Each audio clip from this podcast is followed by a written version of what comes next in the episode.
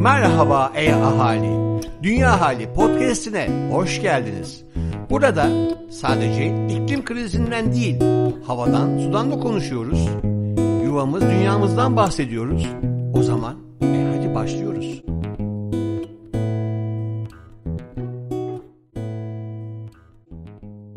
Dünya ahalinden herkese merhaba. Aralık ayının ilk haftasını geride bırakırken yeni yıl ruhu etrafımızı sarmaya başladı. Sıradaki aşamanın kar beklediğimiz günler olduğunu hisseder gibiyiz. Ben Seda Öğretir. Bugün Dünya Ahalinin 92. sayı Birlikte Daha Güçlüyüz ve 93. sayı Aralık ayı sürerken seçkileriyle sizlerle birlikteyim. Biliyorsunuz çocuklar yetişkinlerden daha duyarlılar. İklim krizinin de diğer tehditlerin de sebebi değiller. Ne var ki bugünün yetişkinlerinin de bir zamanlar çocuk olduğu gerçeği düşündürücü. Demek ki büyürken bir yerlerde bir şeyler yanlış gidiyor.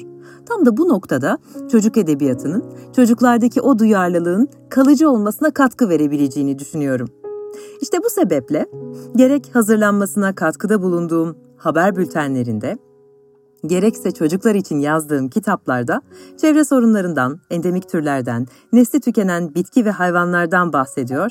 Bu konuları kitap kurgularımda didaktik olmamaya çalışarak bir kurgunun, bir dünyanın içine yedirerek ele almaya gayret ediyorum.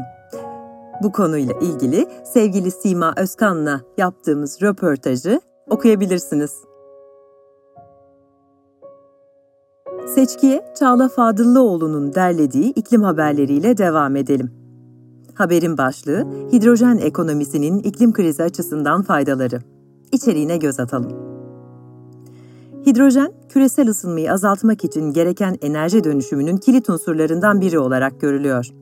Ulaşım, endüstri, ısıtma ve enerji depolama başta olmak üzere birçok uygulama alanı olan hidrojen, özellikle yenilenebilir kaynaklardan üretilen enerjinin dönüştürülmesi, taşınması ve depolanması açısından önemli bir unsur. Günümüzde hidrojen üretmenin en yaygın yolu doğalgazın hidrojen ve karbondioksite dönüştürülmesi. Bu süreçte oluşan karbondioksit atmosfere salınırsa üretilen hidrojen gri hidrojen. Karbondioksit yakalanıp saklanırsa mavi hidrojen olarak adlandırılıyor. Öte yandan suyun elektrolizi için yenilenebilir kaynaklar kullanıldığında ise üretilen hidrojene yeşil hidrojen deniyor. Yapılan çalışmaya göre yenilenebilir enerji kullanılarak üretilen yeşil hidrojen iklim krizi bağlamında en iyi yol. Yeşil hidrojen ekonomisi atmosfere büyük miktarlarda hidrojen sızsa bile kısa ve uzun vadede karbondioksit salınımlarını azaltmada faydalı olacak. Özetle hidrojen ekonomisinin iklim krizi açısından faydalı olup olmayacağı, hidrojenin hangi kaynaklar kullanılarak üretildiği ve atmosfere ne kadar sızıntı gerçekleştiği ile yakından ilişkili. İklim haberlerinde sıradaki haber doğa için yatırımlar başlığını taşıyor. Şimdi de ona yer verelim. Birleşmiş Milletler Çevre Programı tarafından 2022 Doğa için Maliye Durumu raporu yayımlandı. Rapor, biyoçeşitlilik kaybı, arazi bozulması ve iklim değişikliği ile ilgili küresel zorlukların üstesinden gelmek için doğaya temelli çözümlere yapılan kamusal ve özel finans akışlarının miktarını ortaya koydu. Raporun ana mesajları şöyle. Doğa temelli çözümlere yönelik finansman akışı şu anda yıllık 154 milyar Amerikan doları seviyesinde. Yeterli ve doğru finansman sağlanırsa doğa temelli çözümler eş zamanlı olarak iklim, biyolojik çeşitlilik ve arazi tahribatını nötrleştirme hedeflerine verimli bir şekilde ulaşmak için katkı sağlayabilir.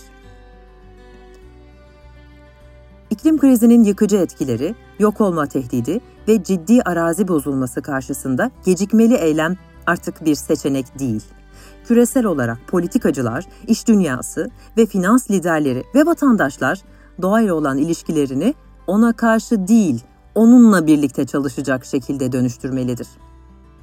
Doğa temelli çözümlere yapılan finansman akışını hızla ikiye katlarsak, biyoçeşitlilik kaybını durdurabiliriz.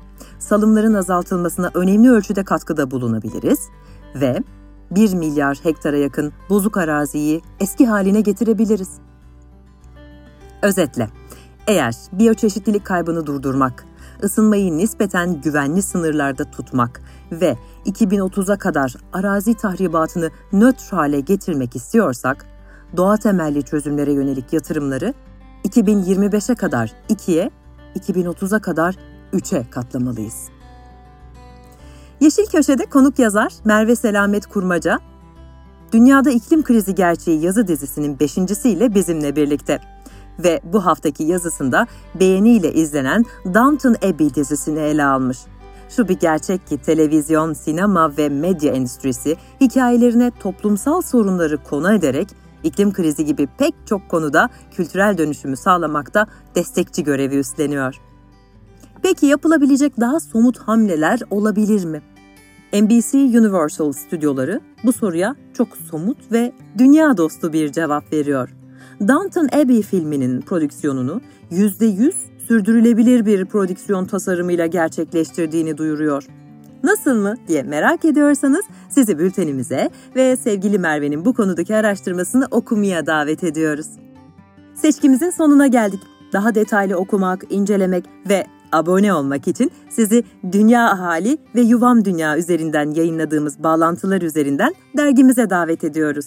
Gönüllü bir çabayla hazırlanan Dünya Ahali için paylaşımlarınız ve desteğiniz çok çok değerli. Bir sonraki podcast dediğin sağlıcakla, sevgiyle kalın.